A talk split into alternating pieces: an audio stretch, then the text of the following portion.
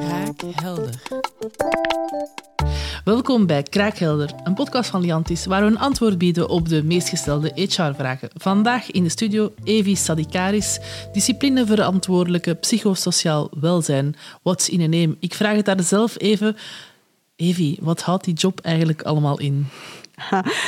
Een hele boterham, Inge. Exact. Um, ik kan er een hele podcast aan wijden als je dat wenst. Um, maar nee, um, onze preventieadviseurs psychosociaal welzijn focussen zich uiteraard op alles wat te maken heeft met het psychosociale aspect op de werkvloer.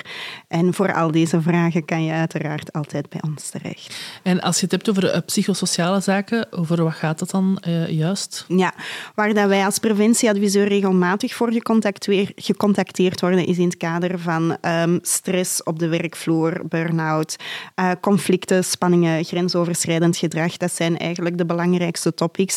Maar uiteraard worden we ook voor andere topics uh, gecontacteerd, zoals uh, absenteïsme, uh, agressie op de werkvloer, alcohol en drugs. Dus voor heel een, wat. Een hele, hele boterham, maar klinkt super interessant. Ja. Um, ja Vandaag uh, gaan we eigenlijk dieper diven in een uh, fenomeen waar we al heel wat over lazen in de pers, overgevlogen van Amerika. Klopt. Quiet quitting. Uh, ik heb me al afgevraagd wat het was. Ik heb me al een beetje ingelezen, maar ik ben super geïnteresseerd naar hoe, wat jij van quiet quitting vindt, wat het mm -hmm. juist is, en om daar even in gesprek over te gaan. Ja, dat doen we graag. Um, ik denk dat het belangrijk is om altijd um, met een genuanceerde blik naar dergelijke termen te absoluut, kijken. Absoluut. Inge, uh, en niet vanuit een zwart-wit uh, gegeven iets, iets uh, mm -hmm. te benaderen. Nu, als we kijken naar quiet quitters, hè, um, wat kunnen we daar alvast over meegeven? Dat zijn eigenlijk mensen die op een bepaald moment een beslissing voor zichzelf nemen. Um, die zoiets hebben van, ik heb mij nu dagdagelijks al heel hard ingezet. Ik heb overuren gedaan. Um, ik heb alles gegeven wat ik in mezelf heb. En ik heb het even, even gehad eigenlijk. Mm -hmm. Ik het letterlijk ook zo, zo, zo benoemen. Uh, mensen die wat meer afstand van het werk nemen, um, die zoiets hebben, ik wil mijn werk-gezinsbalans terug um, in orde brengen. Mm -hmm. um, ik wil terug regelmaat in mijn leven. Maar eigenlijk nog een stapje verder. dat zijn de werknemers die letterlijk zich ook minder betrokken gaan voelen met een aantal aspecten op de werkvloer. Dus je gaat ook zien dat daar een vermindering is aan deel deelname of participatie tijdens vergadering en dergelijke ook minder bereikbaar zijn na de uren, um, dat extra mailtje niet meer gaan, gaan beantwoorden mm -hmm. na, na, ja, na, na vijf uur. Hè. Ja. In een vorige podcast die we samen hebben gedaan, ja. zeker uh, beluisteren uh, uh, of kijken, luisteraars en kijkers van onze Kraakhelder podcast, had je het ook al over burn-out. En ik merk dat daar wel wat overlappen in zijn. Hè. Zo die, een van de kenmerken was dan dat je wat afstand ook nam en dat je wat negatiever ging staan tegenover bepaalde zaken en ook dat stapje terugneemt. Is, dit, is quiet quitting een, een, een voorloper op uh, burn-out of is, kan ik dat niet vergelijken met elkaar? Je kan het misschien wel een, een, een stukje bestempelen mm -hmm. als een eventuele voorloper, um, maar dat hoeft niet richting een mm -hmm. burn-out te gaan. Hè. We hebben in de vorige podcast ook aangegeven dat als je merkt dat je werknemer afstand neemt uh, of zich niet goed voelt op de werkvloer of minder bereikbaar, minder betrokken is, ga daar dan over in gesprek. Mm -hmm. Het hoeft niet te leiden naar een burn-out. Um, bij een burn-out merk je dus dat er ook emotionele uitputting optreedt. Dat heb je niet zozeer bij quiet quitters. Quiet quitters die nemen gewoon een stukje afstand gaan sterker hun grenzen vastleggen, um, gaan, gaan iets minder bereikbaar zijn. Maar daar hoef je niet per se emotioneel of fysiek uitgeput voor te okay. zijn. En is het een status waarin je belandt? Een keus dat je echt uh, uh, ja, bewust neemt, uh, die quiet quitters? Of is dat ook iets dat je overkomt? Ik denk dat uh, beide opties wel mogelijk mm-hmm. zijn. Dat je voor jezelf een, echt een heel bewuste keuze kan maken om te zeggen van oké, okay, tot hier en nu niet verder. En op zich is daar ook niks mis mee. Hè. Iedereen heeft het recht op een, op een goede balans tussen werk en privé. Uh, je hoeft niet mails na de uren te beantwoorden. Dus um, daarmee dat ik zeg, bekijk het vanuit die genuanceerde bril. Ja. Hè. Um, maar um, ja, als je merkt dat er ook geen inspraak niet meer of deelname is aan, aan die vergadering waar die input wel verwacht wordt, ja, dan treedt er misschien wel een probleem op. Mhm. En dan is het wel belangrijk dat je daarover in gesprek gaat. Ja. Dus die communicatie blijft hier ook weer Absoluut. key.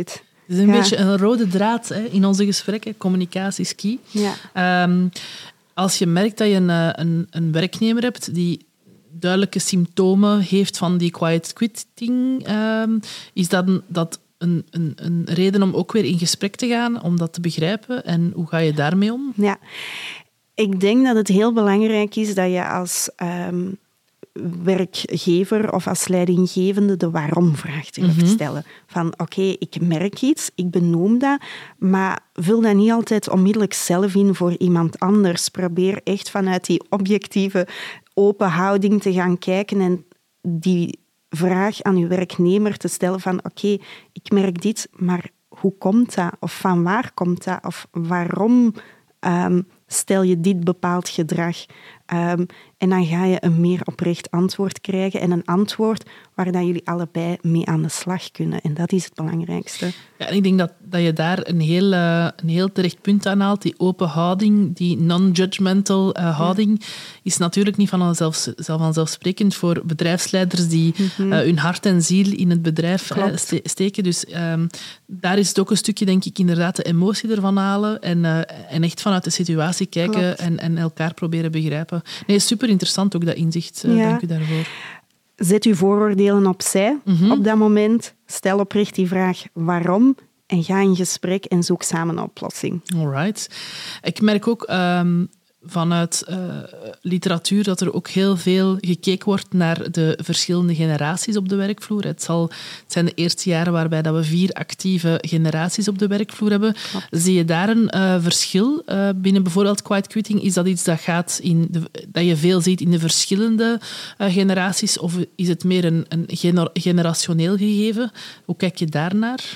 Oh, we merken ook wel dat de jongeren onder ons uh, op die manier ook zo opgevoed zijn mm -hmm. van kijk, um, bescherm je werk-gezinsbalans. Ja. Dat is een belangrijk. Mm -hmm. uh, doe niet zoals de oudere generatie die dag in dag uit paraat staan voor het werk. Um, probeer ook uh, dat evenwicht een stukje te handhaven. Mm -hmm. um, en ik merk ook wel dat zij daar zelf zoekende in zijn ja. en zelf uh, methodieken moeten moeten ja, voor vinden eigenlijk. Voor vinden, ja. klopt, inderdaad.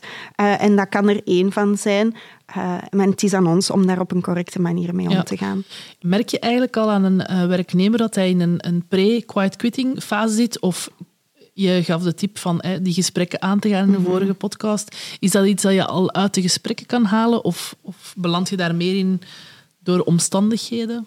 Ha, ik denk dat we daar soms subtieler in belanden dan ja. dat we zelf weten. Eh, uh, het begint met, um, oh, dat mailtje ga ik even niet meer mm -hmm. beantwoorden. Uh, en dan is er eigenlijk op zich ook nog niks aan de hand. Maar als dat zich stelselmatig ja. gaat voordoen, ja, dan, uh, dan zijn we er misschien in beland zonder dat we het goed en wel hebben beseft. Um, daarmee dat we er zo... Um, op uh, werkgevers eigenlijk aanmoedigen van doe regelmatig die gesprekken. Um, en als je merkt dat bepaalde zaken ook wel terugkomen, ga daar dan over in gesprek. Alright. Maar dan vat ik het uh, graag zo samen, Evie.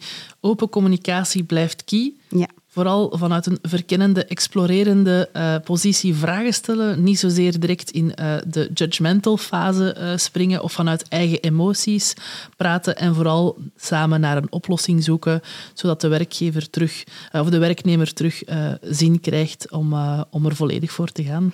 Dat is mooi samengevat, voilà. Kijk, vind ik tof. Nu rest er mij nog één zeer belangrijke vraag, Evie. Ja. Misschien weet je het al. De dessertronde. Evie, met wat kunnen we u verleiden? Welk dessert, van welk dessert wordt je wild? Ja, ik heb daar echt ook over moeten nadenken, Inge, over die dessertenvraag. Um, nu, ik heb geen specifiek lievelingsdessert, maar uh, je kan mij altijd bekoren met chocolade. Alright, chocolade. My kind of woman. Dankjewel voor deze inzichten, Evie. Ik ben ervan overtuigd dat onze KMO's er weer mee aan de slag kunnen. Voor de kijkers en luisteraars vandaag, dankjewel om weer in te tunen. Hebben jullie vragen en feedback of feedback? Surf dan zeker naar liantis.be slash kraakhelder en laat daar je feedback achter. Zit je of ben je actief op Instagram? Surf dan naar Liantis, uh, niet naar Liantis, maar naar kraakhelder.podcast en laat daar je berichtje achter. Hopelijk tot heel snel. Dag.